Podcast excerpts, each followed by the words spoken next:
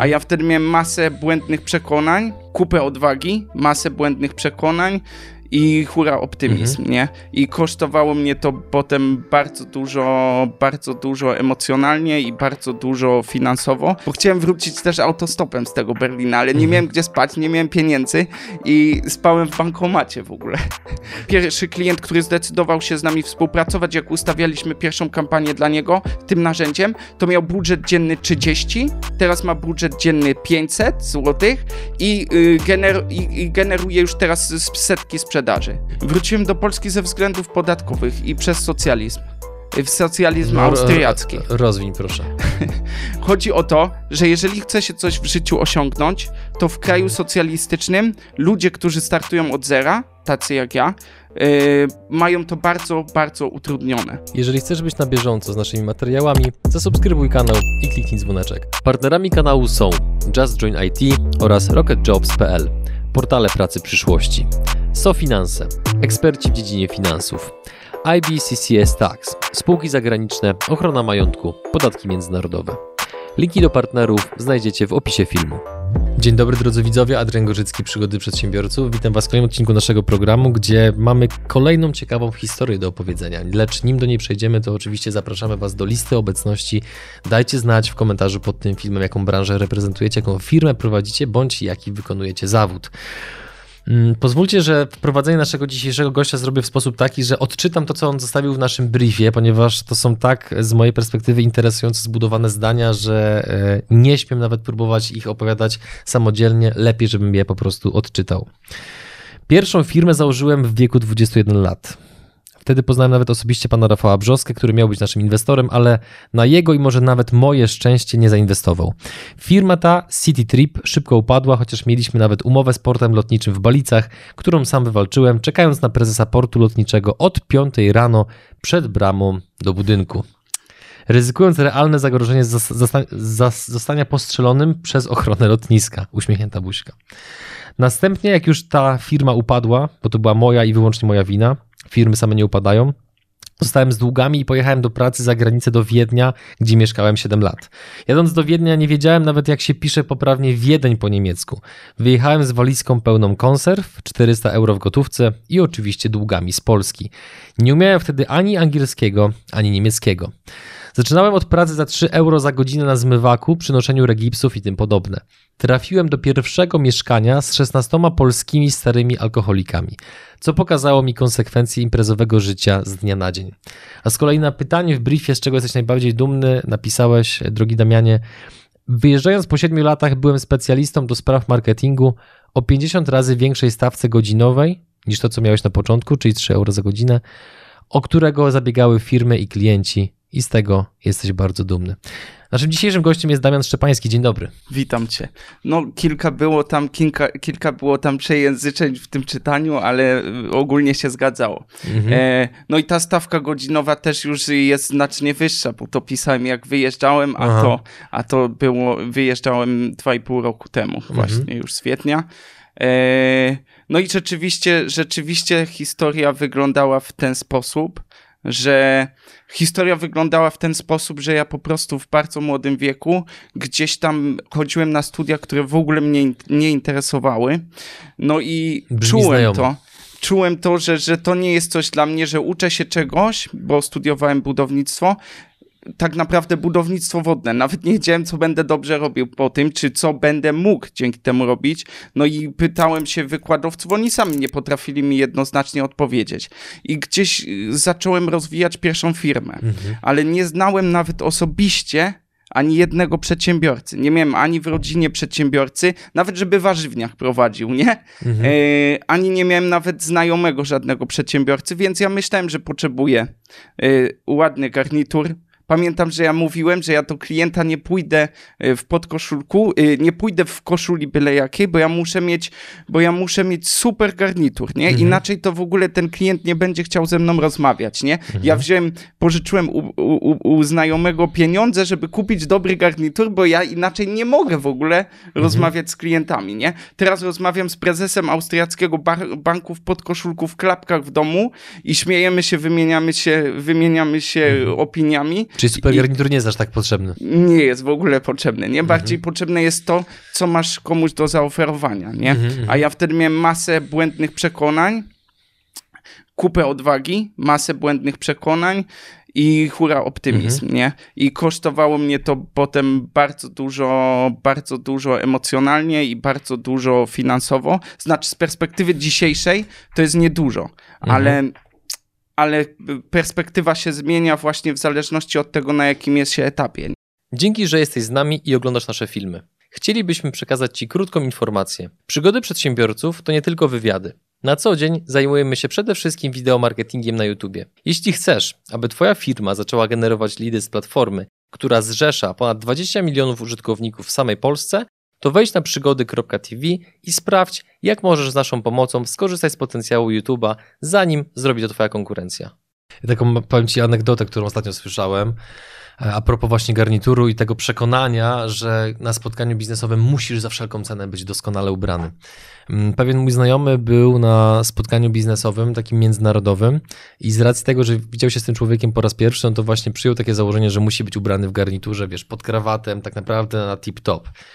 No i kiedy już wszedł do tej sali, gdzie czekał ten gość, to ten gość tak na niego spojrzał, taki trochę zmieszany, no bo on był ubrany tak, no raczej skromnie, jakiś sweterek i tak dalej, totalnie tak, no mm -hmm. raczej na luzie. -hmm. I wiesz, co ten gość zrobił? Podszedł do tego mojego znajomego, tak go stanął obok niego, tak go objął ramieniem, spojrzał na jego strój i powiedział: Brak kompetencji, czy chcesz uprawiać seks? I tego mojego kumpla tak zamurowało, no bo wiesz, on totalnie się nie spodziewał takiej reakcji, mm, tak? Mm. Natomiast no e, faktycznie ja już o tym słyszałem co najmniej kilka razy od różnych osób, że ten strój nie jest aż tak ważny, jak to, co generalnie mamy do przekazania, do zaoferowania, co oczywiście też nie znaczy, żeby przegiąć drugą stronę, że na spotkanie biznesowe pójdziemy w szlafroku, no bo tu też nie o to chodzi. Ale powiedz mi proszę, mm, no bo nie mając backgroundu biznesowego, nie mając nikogo w rodzinie, tak jak powiedziałeś, że nawet nikt nie prowadził przysłowiowego warzywniaka, to co cię wewnętrznie przekonało, żeby nie znając języków pojechać do obcego kraju i tam próbować swoich sił. Nie mogłeś pójść do rodziców powiedzieć mama, tata, e, no poślizgnąłem się biznesowo, pomóżcie? Znaczy, to wtedy, przekon prze wtedy przekonało mnie głównie to, że yy, jak upadłem, bo ja właśnie napisałem w tym briefie, że upadłem, a nie, że upadła firma, bo ja celowo mówię, okay. że ja upadłem tą firmę, bo jestem za to całkowicie odpowiedzialny, nie? Okay. I a to, to widzisz, było, ja myślałem, że, to, że, to, że to było przejęzyczenie. Nie, to okay. było celowe, było celowe przejęzyczenie, przejęzyczenie ponieważ to ja upadłem tą firmę. Aha. Bo nawet w Austrii potem tą, tą firmę zbudowałem na nowo i ona działa, yy, więc yy, ta, ten sam model biznesowy, tylko po mhm. prostu ulepszony. Yy, więc to ja ją upadłem, a wyjechałem do Austrii właśnie dlatego, że strasznie się zadłużyłem. Strasznie, jeżeli odnosimy to do perspektywy tego, ile, ile byłem w stanie zaoferować. To było kilka tysięcy euro, mhm. ale wtedy kilka tysięcy euro, gdzie, ja, mhm. gdzie ja byłem w stanie, nie wiem, zarabiać 10-12 zł na godzinę, tak. nie? no to było niewyobrażalne, nie do odrobienia. Nie? Jasne. I teraz kilka tysięcy euro to mnie w ogóle nie zmartwiło, nie? Mhm. Ale wtedy na tamte czasy, na tamte e, mhm. warunki rynkowe i to, co ja mogłem zaoferować ludziom i za jaką cenę sprzedać, to było nie do przeskoczenia, więc miałem do wyboru gdzieś tam zostać, e, zostać w Polsce i e, zostać w Polsce, ale byłem już tak obijany jak pies, którego się kopało po prostu i gdzieś tam porzuciło na ulicy. Tak. Więc ja czułem, że muszę diametralnie coś zmienić.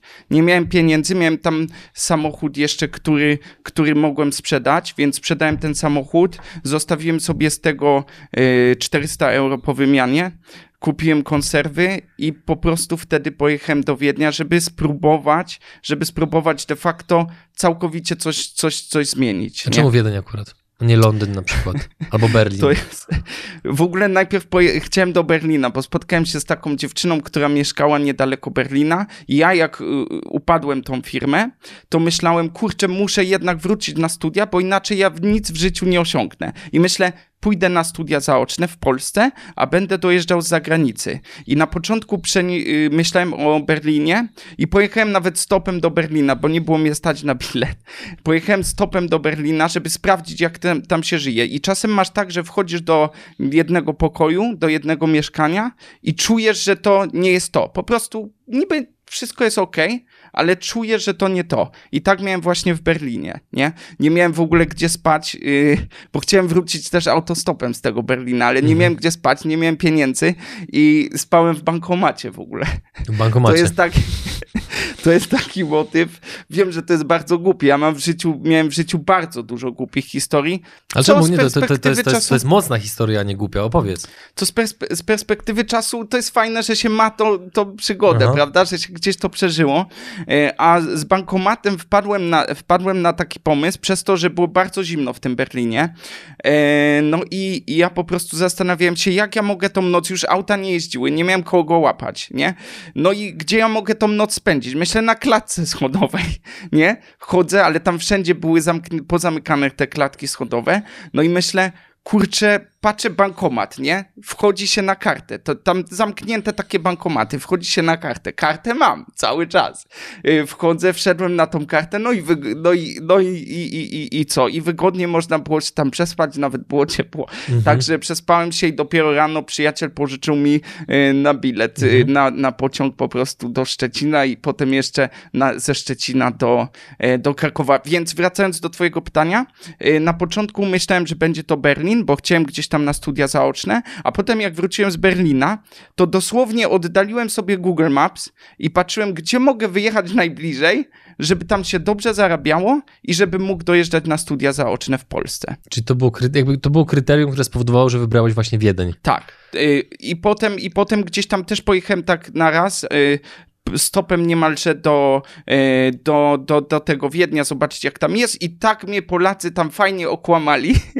Mhm. Bo Znaczy? y, często jak się spotka ludzi z Polski, to wszyscy, nie wiem, ja mam takie wrażenie, wszyscy, wszyscy, trochę, wszyscy trochę udają, że jest lepiej niż w rzeczywistości. Przynajmniej ja mam takie wrażenie, szczególnie za granicą. I opowiadają, kurczę, ty nic nie umiesz, nie znasz języka, 1600 euro. Tak, tak mi ludzie mówili, nie? I paradoksalnie to mi pomogło podjąć tą decyzję. Ale y, sytuacja rynkowa nie była taka, że ty przyjeżdżasz, nic nie umiesz i dostajesz 1600 euro, nie? E, aczkolwiek ja w to uwierzyłem. Y, Wtedy sprzedałem dopiero to auto, bo na początku byłem po prostu sprawdzić, jak to tam wygląda. Sprzedałem to auto, no i pojechałem i pojechałem po prostu już do tego Wiednia z konserwami, polskim busem. Piąta rano wysiadłem z tymi, z tymi wszystkimi, z walizką e, pełną konserw 400 euro w gotówce, nie? No i pierwsze co robię, to potrzebuję bilet miesięczny.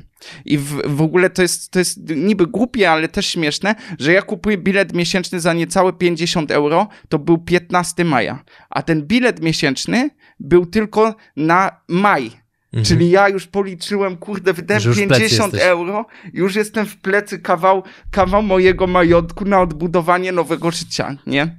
I właśnie po tym, jak, y, po tym jak miałem już te 350 euro na rozpoczęcie nowego życia, to wziąłem najtańsze z najtańszych mieszkań. I właśnie w ten sposób trafiłem do tego mieszkania z samymi alkoholikami, no bo tam się płaciło za dach na, nad głową, mimo że pamiętam, że pisało w ogłoszeniu wszelkie wygody, polska telewizja i rzeczywiście była polska telewizja, jeden alkoholik naokoło, na okrągło oglądał Goło i Wesoło, także ja Goło i Wesoło znam na pamięć teraz przez to. Taki program był. Na pewno część widzów i słuchaczy e, e, zauważyła, że e, zapytałem o coś, ale nie, odniosło się do tego, być może celowo, więc jeżeli tak i, i drążę niepotrzebnie, to przepraszam, ale taka jest moja po prostu skromna rola w tym programie. Dlaczego nie wybrałeś jakiejś łatwiejszej drogi, typu na przykład pomoc ze strony rodziców, e, dziadków, czy rodziny albo przyjaciół? Już ci, już ci, już ci I żeby odpowiem. było jasne, nie sugeruję, że to jest właściwa, Nie, nie, nie, właściwa odpowiedź, ale biorąc pod uwagę, e, bo teraz o tym opowiadasz z uśmiechem, bo już jesteś dobrze ubranym młodym mężczyzną, który ma sprawnie działającą firmę, o czym na pewno będziemy dzisiaj rozmawiali, no ale w tamtym momencie, jak będąc młodym chłopakiem, który musi e, spać w bankomacie, no to podejrzewam, że jednak w głowie nie miałeś zbyt pozytywnych myśli prawdopodobnie. Myślę, że po pierwsze, myślę, że dzięki Bogu dlatego, że jakbym poszedł, że jakbym poszedł do, do rodziców, czy do, do mamy szczególnie i poprosił ją, żeby mi dała pieniądze, to by mi powiedziała, że ja przecież mam dwie ręce, nie? To Mhm. dlaczego ja jestem dorosłym człowiekiem, miałem 8, wtedy miałem 20 czy 21 lat. Jak ja mam dwie ręce tak jak ona, to dlaczego nie wezmę drugiej pracy, trzeciej pracy, nie? Moi rodzice w pewnym y, c- y, czasie życia pracowali na dwa, trzy etaty. I żeby budowali dom i, i, chcieli, i chcieli coś w życiu mieć, nie?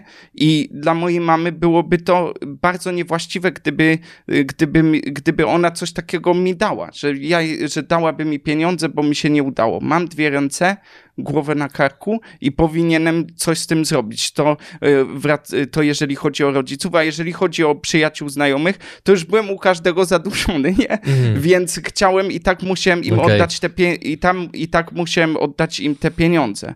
Więc, y, więc, y, więc, więc, więc nie miałem takiej możliwości po prostu, żeby, żeby liczyć na kogoś innego, że ktoś coś za mnie załatwi. A nawet pamiętam, że jak już, y, że jak już byłem, że jak już byłem w Wiedniu i gdzieś tam pracowałem pracowałem w takiej firmie sprzątającej z takim człowiekiem, szefem, faszystą i on kazał mi myć kupę.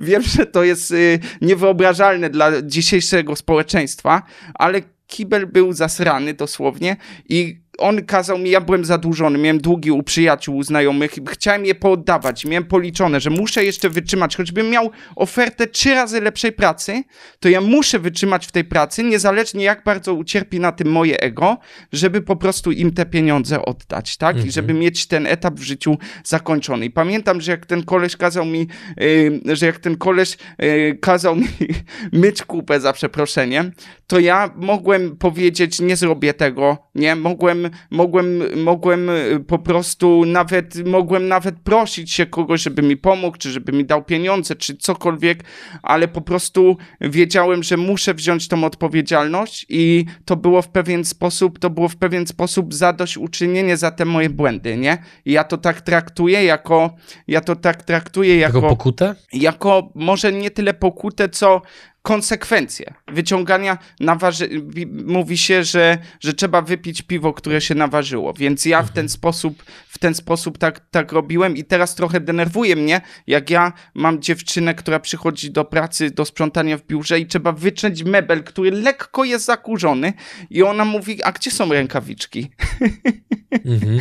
a gdzie są tu rękawiczki? Pyta się mnie. No kurczę, nawet by mi przez nie przeszło, że na lekko ukurzone biurko ja muszę specjalne mieć rękawiczki dla niej, nie? Aha. I mówię, no przepraszam panią, że nie mam tych rękawiczek, nie? Miałeś moment zwątpienia? By... Cały czas. No ja pamiętam te kilka jest taki tysięcy... cytat, nie? Chyba tak. Churchilla, że jak idziesz przez piekło, to się nie zatrzymuj.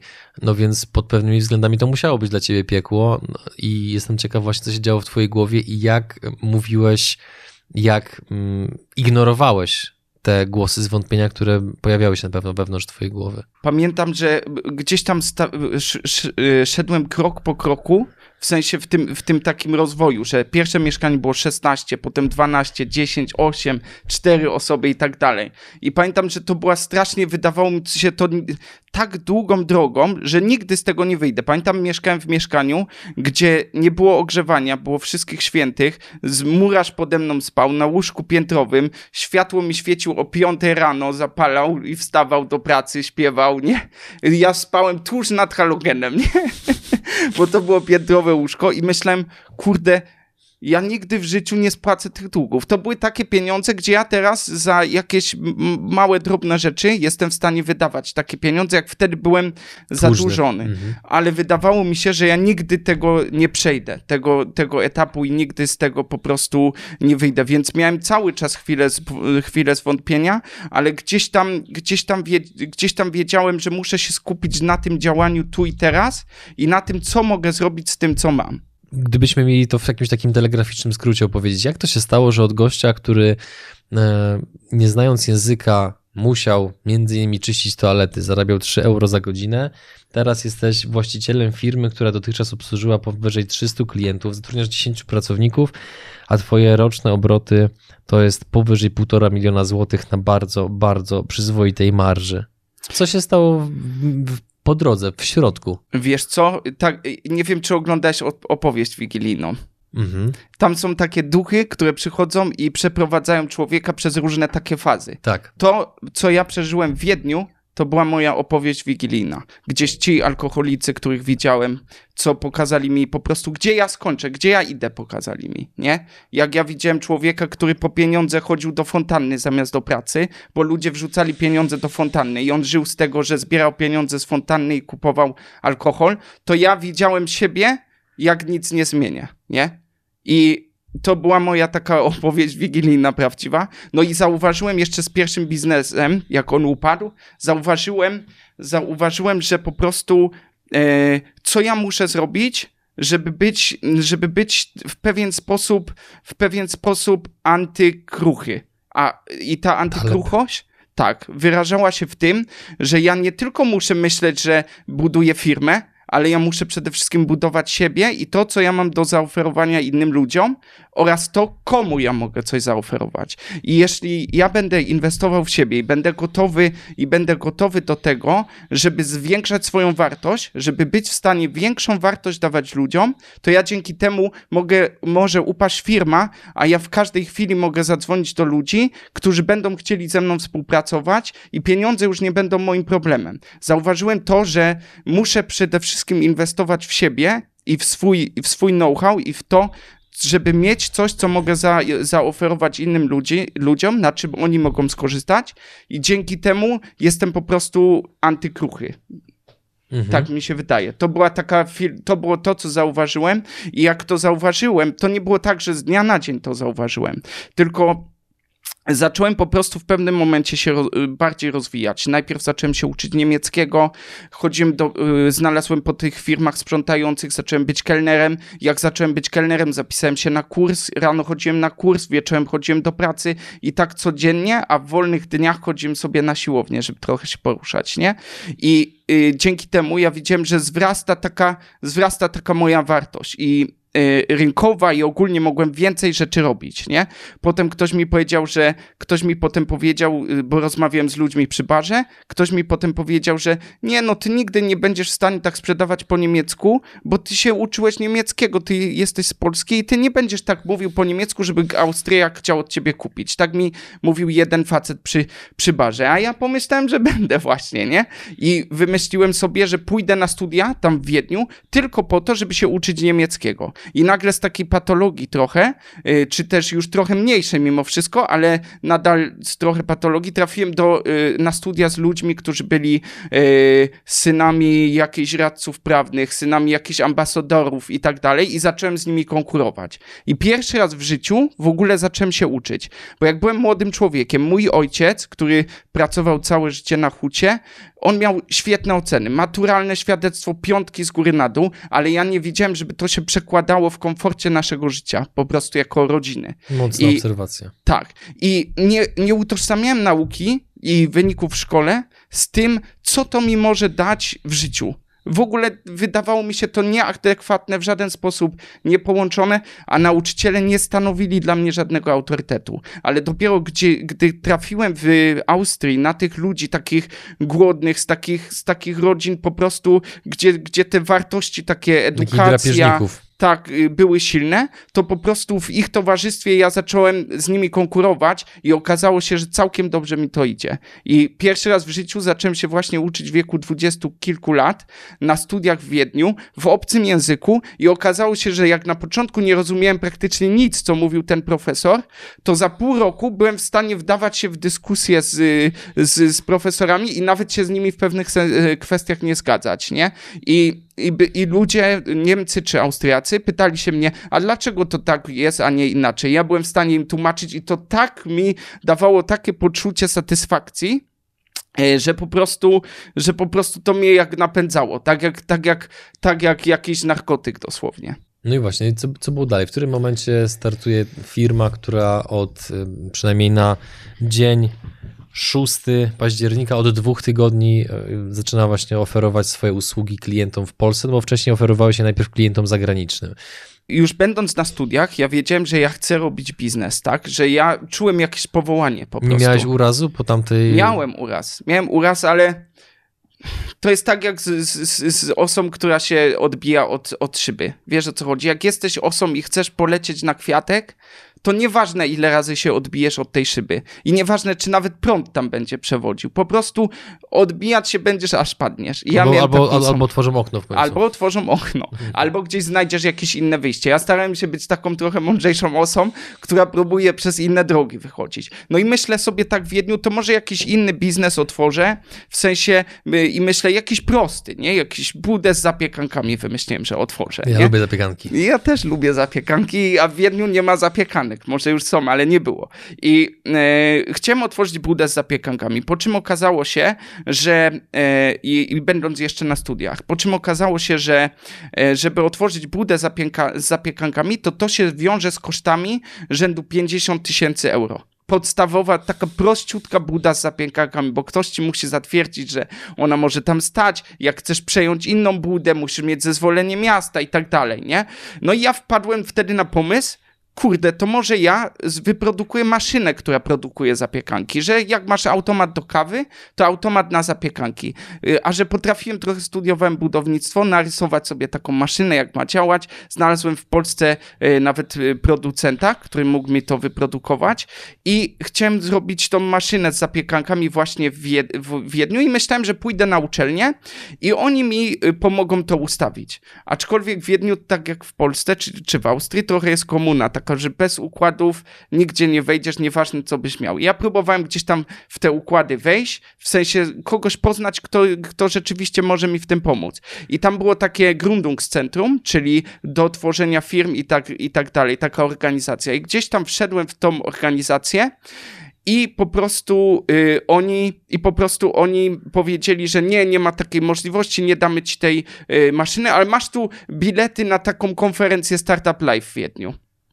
No i gdzieś tam na tej konferencji e, zacząłem poznawać e, ró- różne inne startupy i ktoś mnie po prostu wciągnął do współpracy, bo mi się tak podobało budowanie czegoś i jak właściciel tego startupu to zauważył, to mówi, kurde, pracowałbyś, pracowałbyś ze mną, ja ci tam daję, nie wiem, 10-12 euro za godzinę.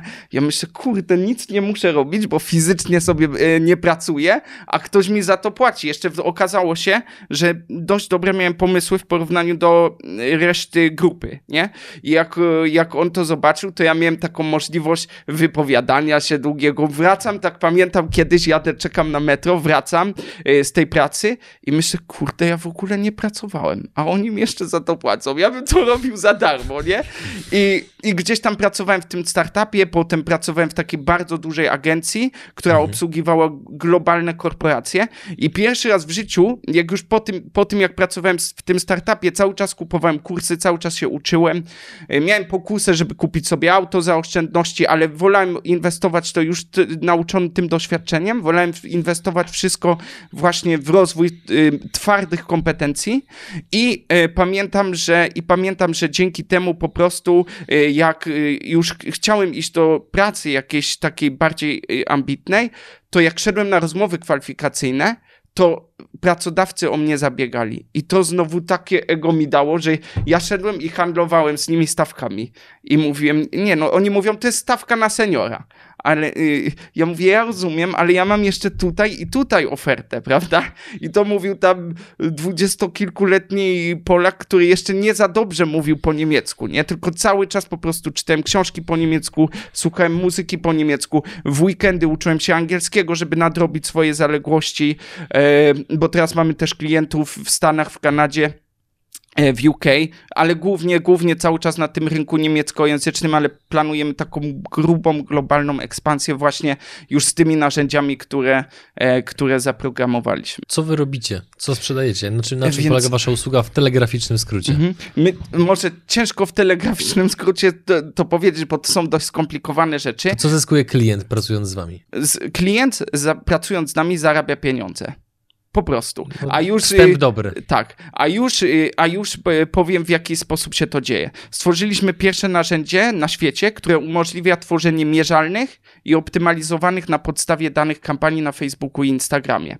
I to w sposób całkowicie zautomatyzowany. Wystarczy, że firma wrzuca posty na swój fanpage na Facebooku, a następnie te posty są promowane, tylko nie w taki sposób, jak jest opcja promuj post na Facebooku, tylko są one optymalizowane bezpośrednio pod cele zdefiniowane przez klienta, czyli jak to jest e-commerce, to optymalizacja odbywa się pod sprzedaż. Jak to jest na przykład e, biznes usługowy, to optymalizacja e, nast, e, po, na, następuje pod powiedzmy wypełnienie formularza, czy kliknięcie w numer telefonu, czy nawet można optymalizować kampanię pod skopo, skopiowanie adresu e-mail albo wybranego tekstu na stronie swojej. I my zrobiliśmy takie kombi, że dajemy użytkownikom, e, dajemy użytkownikom możliwość e, skorzystania z naszej konfiguracji, że my dla niego konfigurujemy e, jego stronę, przygotowujemy wszystkie skrypty, pixel Facebooka, eventy pixela Facebooka, czyli takie kody, które przesyłają informacje bezpośrednio do kont reklamowych, a następnie tworzymy nawet dla klienta pierwszą taką kampanię, która jest całkowicie zautomatyzowana i on tylko wrzuca posty, nie?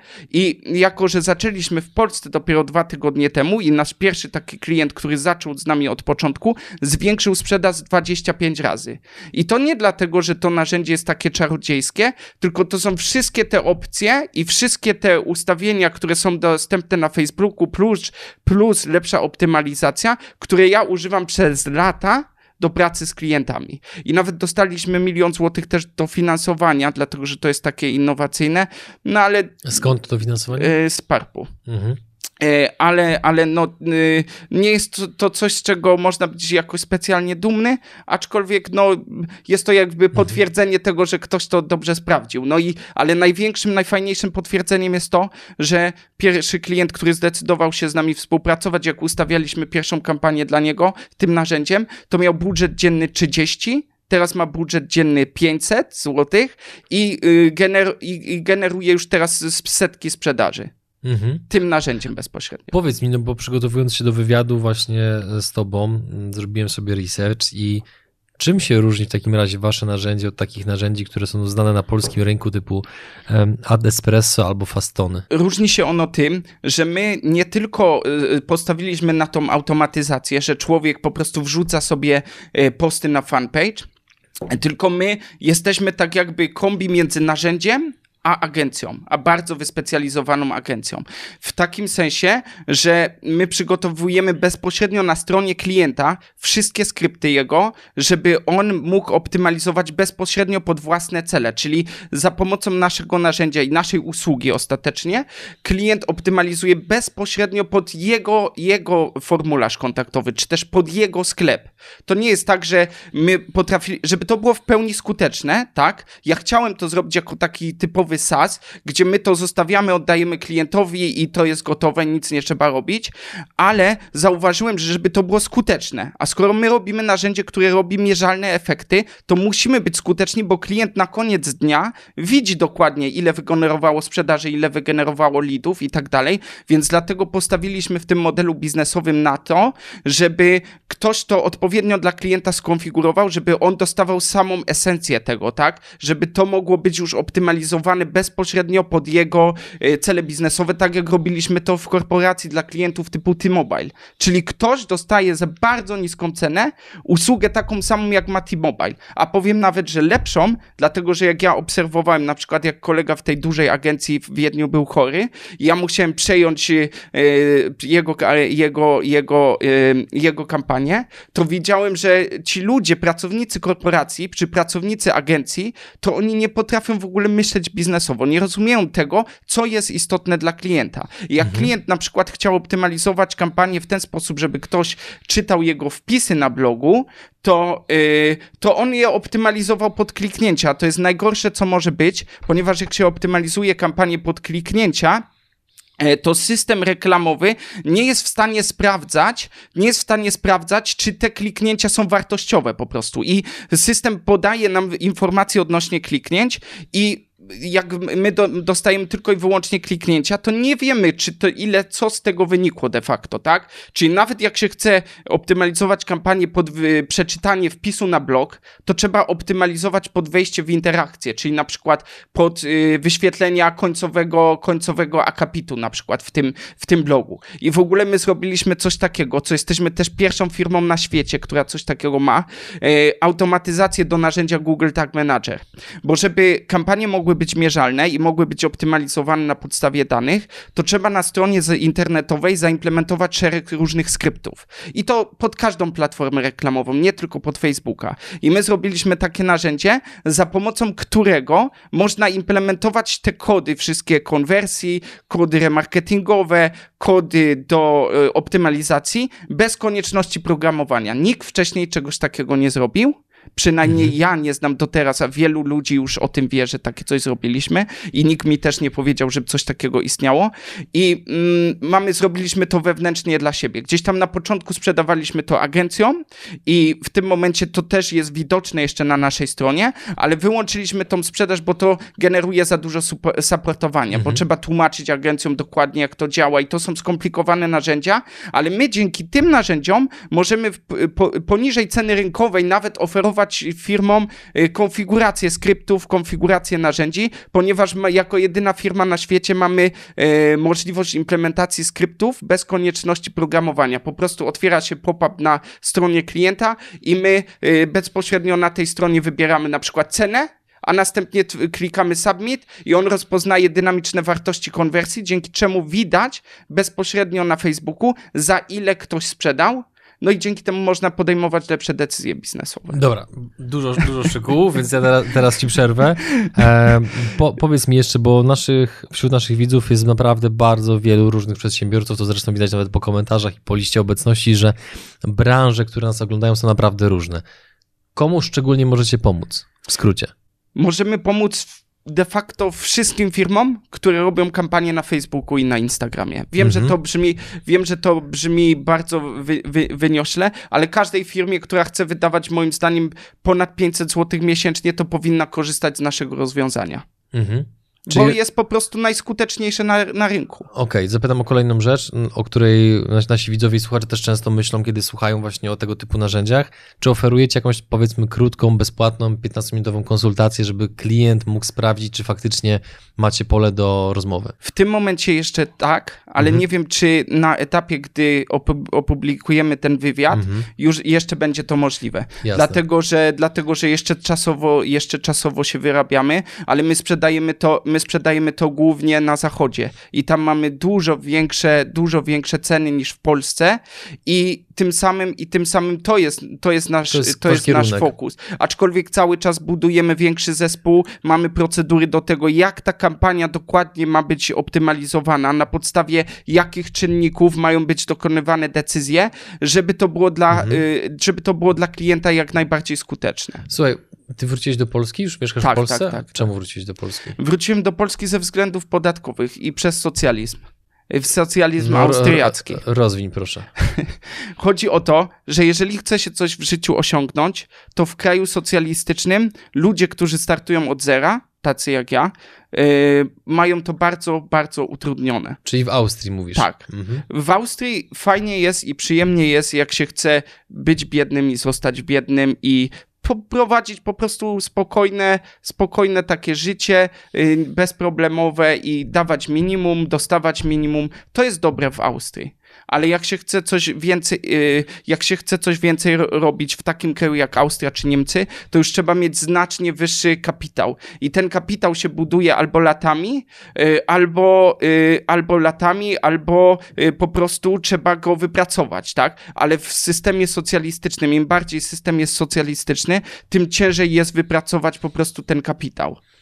I dlatego wróciłem do Polski, bo mimo, że ludzie tutaj narzekają, że jest źle, to i tak dla przedsiębiorców cały czas jest, cały czas jest dużo lepiej, moim zdaniem, niż, niż w Austrii. No właśnie, co jest z twojej perspektywy lepszego dla przedsiębiorcy w Polsce niż w Austrii? Y, lepsze jest to, że na przykład, y, co się może zmienić w przyszłym roku ze względu na nowy ład, ale y, jak się prowadzi działalność gospodarczą w Austrii, to same ubezpieczenia, takie Sozialversicherung, to jest 30, 30%, 30%. W Polsce to jest 30% 1000, czego? 30% y, zysku. 30% zysku to jest po prostu, a w działalności usługowej, którą ja płaciłem, to jest kupa pieniędzy, nie? To, e, to dużo bardziej się opłaca, dużo bardziej się opłaca tak naprawdę zapłacić 1500 zł w Polsce, czy, czy, czy, i, czy też prowadzić spółkę w Polsce, niż, y, niż być na tej działalności gospodarczej w Austrii. A, jeżeli chce się prowadzić GmbH w Austrii, tak, to... Y, to jest taki odpowiednik spółki ZO. Tak, to, yy, to sam doradca podatkowy. Jak ja chodziłem do doradcy podatkowego, tak, i chciałem się skonsultować odnośnie pierdoły, to taki doradca siadał. I to mnie kosztowało już 50 euro prawie, że nie? w sensie takim, że stawka godzinowa takiego poniżej przeciętnego doradcy podatkowego to jest 250 euro, nie? I, I, ja sobie myślę, tu mam ogarniać, tu mam ogarniać te wszystkie, te wszystkie rzeczy, nie mam y, koszty cały czas tu, y, co z tego, że ja robię więcej przychodu, jak cały czas mnie państwo tak okrada i po prostu utalentowani ludzie, i to dla naszych widzów bardzo ważna informacja, będą uciekali z każdego kraju, gdzie się będzie ich uciskało.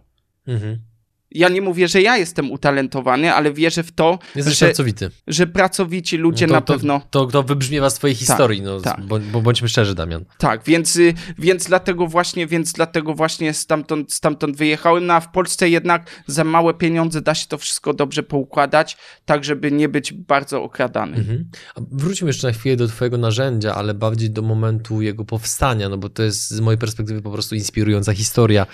Jak wyglądał ten moment, który no, zakładam, że z natury rzeczy był procesem, ale jak ty wspominasz ten, tą, tą chwilę, kiedy zaświtała ci w głowie myśl, że hej, może ja już nie będę pracował w agencji, tylko zbuduję narzędzie, które będę sprzedawał de facto globalnie. Jak ten moment wyglądał? Moment, że nie będę pracował w agencji, był taki, e, że ja bardzo mi się podobają automatyzacje. Ja zautomatyzowałem, robiliśmy kampanię dla takiej dużej firmy jak IKEA w Polsce, tylko tam na rynku austriackim. Ja zautomatyzowałem, zrobiłem taki skrypt do automatyzacji kampanii Google Ads, że można było 4 czy 5 razy szybciej robić te kampanie. I przyszedłem do, przyszedłem do właściciela tej agencji, on mówi, a mnie to nie interesuje w sumie, pogadaj z menadżerem. Menadżer był zazdrosny, że ja coś takiego zrobiłem. Poczuł się zagrożony. Poczuł się, nie, myślę, że zazdrosny, bo jakaś taka dziwna była, dziwna konkurencja, nie? No i ta atmosfera taka była coraz gorsza w tej agencji, bo nie stawiali na to, żeby się,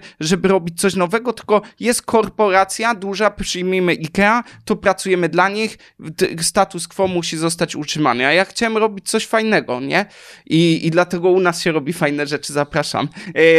Jesteście otwarci na nowych pracowników? Tak, jesteśmy otwarci na wszystkich, mamy taką selekcję e, poszukiwania pracy i tam może się każdy zapisać, nieważne co potrafi. A adres strony internetowej e, datadriventool.pl przez V. E, mhm. W, każdym, w każdym razie to bardzo mi przeszkadzało. A potem, jak wyszedłem z tamtej agencji, zarabiałem bardzo dobre pieniądze, jak dla mnie przynajmniej Ile? wtedy, no to było tak z 2,5 tysiąca euro na rękę. Mhm. Wtedy. No to było, to było też. To było wtedy? też z 25, jakoś tak 26 może. Mhm. To w każdym razie, w każdym razie, no byłem, by, było to dla mnie wystarczające, żeby pokryć wszystkie moje no potrzeby. No i na pewno to był dla ciebie kontrast, nie? No wcześniej sprzątałeś między innymi no toalety, pewnie, a teraz no. pracowałeś pewnie w koszuli przed komputerem, no to wręcz luksus pewnie odczuwałeś. Tak, poza tym bardzo szybko zauważyłem, że robię najlepsze kampanie w tej agencji. Po prostu, że jak mieliśmy producenta, takiego globalnego producenta dachówek, to jak ja wszedłem, mimo mojego małego jeszcze wtedy doświadczenia yy, i zacząłem robić te, te kampanie dla niego, to one były pięć razy tańsze niż jak robiła to wcześniej koleżanka, nie? I zauważyłem, że bardzo szybko po prostu potrafię pracować w porównaniu do innych, do innych ludzi. I dlatego poczułem, że jestem w stanie zakładać agencję, tak? I jak odszedłem z tamtej firmy, to yy, zacząłem obsługiwać klientów na własną rękę rękę, ale to już nie były korporacje, tylko małe biznesy. Ja wiedziałem, ile rzeczy trzeba przygotować, żeby to mogło być dla małych y, firm skuteczne i myślę, kurde, to przecież to jest nie, niemalże nieopłacalne. Jak ja mam zarobić, żeby zostało mi 2,5 tysiąca euro w Wiedniu, to ja muszę zarobić przynajmniej 5 tysięcy euro. Czyli na początku. Czyli w pierwszym miesiącu po odejściu z pracy, żeby mieć te same pieniądze, musiałem, musiałem sprzedać usług za przynajmniej 5000 euro, tak? A w małych firmach, jak to jest duża firma, to, to dla nich jest naturalne, że płacą 100, 150, 200 euro za godzinę pracy specjalisty. Ale małe firmy, no tak nie działają, prawda? Nawet na zachodzie. Szczególnie, że w systemie socjalistycznym małe firmy mają, są bardzo biedne i zostają biedne. No i jak zacząłem pracować z tymi małymi firmami na początku, na własną rękę, to myślę, kurde, co by można było zrobić, żeby, co by można było zrobić, żeby po prostu tym małym firmom móc pomóc, a żeby to nie kosztowało tyle czasu typu implementację tych wszystkich skryptów, konfiguracja Google Analytics, Google Search Console, Google Tag Manager i tych wszystkich narzędzi po, po, yy, po, po kolei, żeby oni mieli to dobrze zrobione, a żeby to nie kosztowało tyle pracy i nie wymagało takich specjalistów. Jednocześnie ja zatrudniając ludzi, musiałem zatrudniać tych samych ludzi, którzy byli tam w agencji i kosztowali agencję 5000 euro. Więc było to wszystko dla mnie, więc było to wszystko dla mnie utrudnione i pomyślałem, dobra, jakie jakie ja mam przewagi konkurencyjne, co ja mogę zastosować. I zauważyłem, że dostęp do tego polskiego rynku, gdzie jednak mamy super programistów, e, których z chęcią zapraszam do współpracy, e, jest, jest, na tyle, jest na tyle wartościowy, że może użyje, użyje po prostu tego i zamiast robić jako Polacy usługi, klepać na zachód, może zrobimy coś fajnego tutaj i pokażemy innym, że jesteśmy w stanie, tak jak, tak jak Brand24, tak jak inne e, te firmy, które mhm. po prostu działają globalnie i, i, i, i, w ten sposób zacząłem do tego podchodzić, zacząłem inwestować pieniądze, yy, no i, no i cały czas, ale cały czas przychodzili do mnie więksi klienci, nie? Więc i tak musiałem zwiększać zatrudnienie, czy chciałem, czy nie chciałem, musiałem zatrudniać specjalistów nie, z Niemiec nawet, żeby po prostu móc obsłużyć więcej klientów, nie? No bo jak zarobi się dla kogoś pieniądze, to on już nie chce nikogo innego, prawda? I, a jednocześnie nie możesz powiedzieć, nie, no już teraz robię coś innego, więc musisz zwiększać to zatrudnienie zatrudnienie, tak? No i...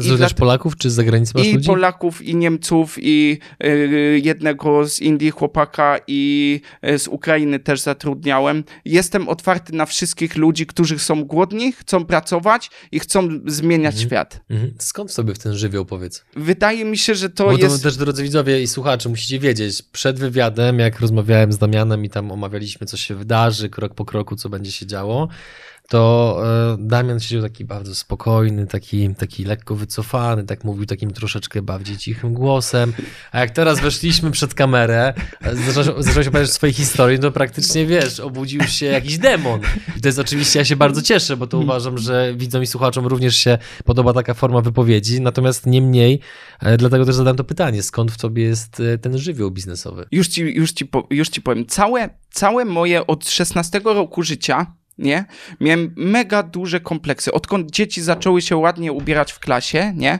Moi rodzice, jak budowali dom, to my nie byliśmy w stanie, albo nie chcieli moi rodzice, nawet kupować y, nowych ubrań. Ja pierwszą y, nową podkoszulkę, wszystkie rzeczy miałem używane i pierwszą nową podkoszulkę... Używany po starszym bracie? W Ciucholandach się ubierałem. Okay. Pierwszą nową w życiu podkoszulkę, żeby sobie wyobrazić, kupiłem sobie jak miałem 20 lat czy 19 lat za własne pieniądze. Pamiętam, poszedłem do sklepu, do galerii, kupiłem sobie, po pierwszym praniu się zepsuła. Te z Ciucholandu są dużo lepsze, od razu wam mówię. I całe życie miałem takie strasznie duże kompleksy, które zapijałem alkoholem tak? Zapijałem alkoholem, wtedy się czułem fajnie, wtedy się czułem tak jak teraz, na takim flow trochę, nie? Zaraz jesteś pijany. Teraz nie. Tak wolałem się upewnić. nie, teraz nie. W każdym razie, w każdym razie potem jak zobaczyłem do czego to doprowadza w Wiedniu, to, to był, zapaliło taką lampkę czerwoną u mnie. A jak zacząłem się rozwijać i te sytuacje na uczelni, gdzie ja mogłem na przykład komuś pomagać jakiemuś Austriakowi yy, w jego rodzinnym języku, czy potem w agencji, jak ja byłem w stanie konkurować, robić lepsze kampanie od ludzi, to mnie napędzało tak samo jak alkohol, tylko trzy razy silniej.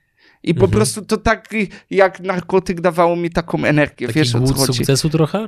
Taki taki głód, głód, może tak można to nazwać. Nie, nie wiem, w każdym razie, no, taką mega dużą satysfakcję mi to daje, po prostu, jak, y, jak jakiś narkotyk, albo, mhm. albo jak, no, skuteczniejsze to dla mnie jest niż alkohol na pewno.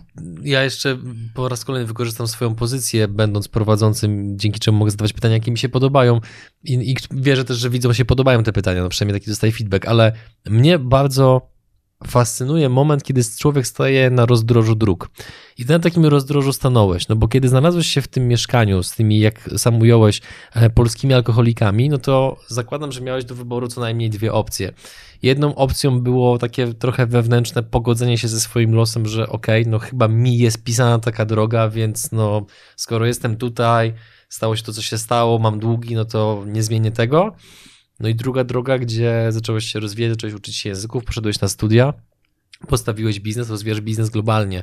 I teraz jak stojąc na tym rozdrożu, co spowodowało, że jednak wybrałeś tą drogę, która jakby nie patrzeć, z mojej perspektywy jest trudniejsza. No bo łatwiej jest nagle, wiesz, założyć ręce i powiedzieć, no jest jak jest, nic nie mogę zmienić, nic nie mogę zrobić, to muszę to zaakceptować, niż nagle wziąć sprawę w swoje ręce, nauczyć się języka, będąc na obczyźnie totalnie samemu, bez bliskich i pójść tą drogą. Więc no, stary, ja, ja szanuję twoją drogę, ja szanuję to, co ty zrobiłeś, bo dla mnie to jest na maksa e, inspirujące. Cieszę się, że mamy okazję porozmawiać, bo uważam, że ta historia wielu osobom, które być może stoją na podobnym rozdrożu, pokaże, że hej, może jednak warto podjąć rękawicy i dopiero dopóki serducho bije w piersi, cały czas jesteśmy w grze. Więc co spowodowało że na tym roz, roz, rozdrożu wybrałeś trochę trudniejszą drogę? Nie chcę, nie chcę powiedzieć, nie chcę powiedzieć, że zawsze czułem, że będzie po prostu super, że będzie idealnie, że mi się wszystko uda, bo y, tak było, dopóki nie upadłem mojej pierwszej firmy.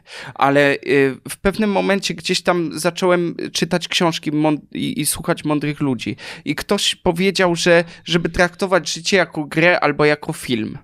I jeżeli potraktujemy życie jako grę albo jako film, to i stawiamy się jako w roli głównego bohatera, czyli jak ja pamiętam siebie, jak mieszkałem, jak było wszystkich świętych, bez ogrzewania, zimno, ja nie byłem w stanie, nie miałem pieniędzy, żeby, że często nawet nie miałem pieniędzy na jedzenie, to myślałem, to jest gra, ja teraz jestem w takiej dupie, że teraz muszę wychodzić do góry po prostu, nie? I jak sobie przyjmiemy taką perspektywę gry albo filmu, to ten film musi być kolorowy, musi być ciekawy, muszą być te wątki też złe, żeby po prostu potem był ten film atrakcyjny. I tak mi się wydaje, że ja pokierowałem po części swoim życiem, tak, że Także ono mogłoby zostać filmem. Dla mnie jest takim filmem trochę, że ja sobie widzę, że jestem tym Rocky Balboa, prawda, który dostaje nagle szansę, y, jest takim nieudacznikiem, y, dostaje szansę na to, żeby coś zrobić i po prostu chcę tą szansę wykorzystać, nie? Jesteś chyba dumny z drogi, którą przyszedłeś, co? Tak, bardzo dumny i bardzo zadowolony z tego, że mimo wszystko, mimo że to jest wszystko bardzo głupie, co ja zrobiłem i tak dalej, nieodpowiedzialne, to mimo wszystko jestem zadowolony, że miałem możliwość, że miałem możliwość to przeżyć i że miałem możliwość tego wszystkiego spróbować. Nawet tego mycia gówna, za przeproszeniem. Mhm. Dlatego, że, dlatego, że dzięki temu, dzięki temu ja znam wiele smaków w życiu, życiu, jestem w stanie szerzej je, y, po, y, szerzej je rozumieć, tak mi się wydaje. Mhm. I, I dlatego nawet jak rozmawiam z moim przyjacielem, który potem wyjechał y, z, po mnie do Wiednia i miał podobne podobne przejścia miał, to my sobie to wspominamy po prostu jako, jakbyśmy sobie opowiadali o filmie, który widzieliśmy w kinie, a gdzie my byliśmy głównymi bohaterami, mhm. nie? Oboje teraz prowadzimy firmy, obu nam żyje się bardzo dobrze i mogłoby się żyć, jakbyśmy nie chcieli, nie byli głodni, nie chcieli wchodzić na wyższe szczeble, wspinać się i zryzykować dalej, no to moglibyśmy żyć w takich bardzo, bardzo komfortowych warunkach, nie?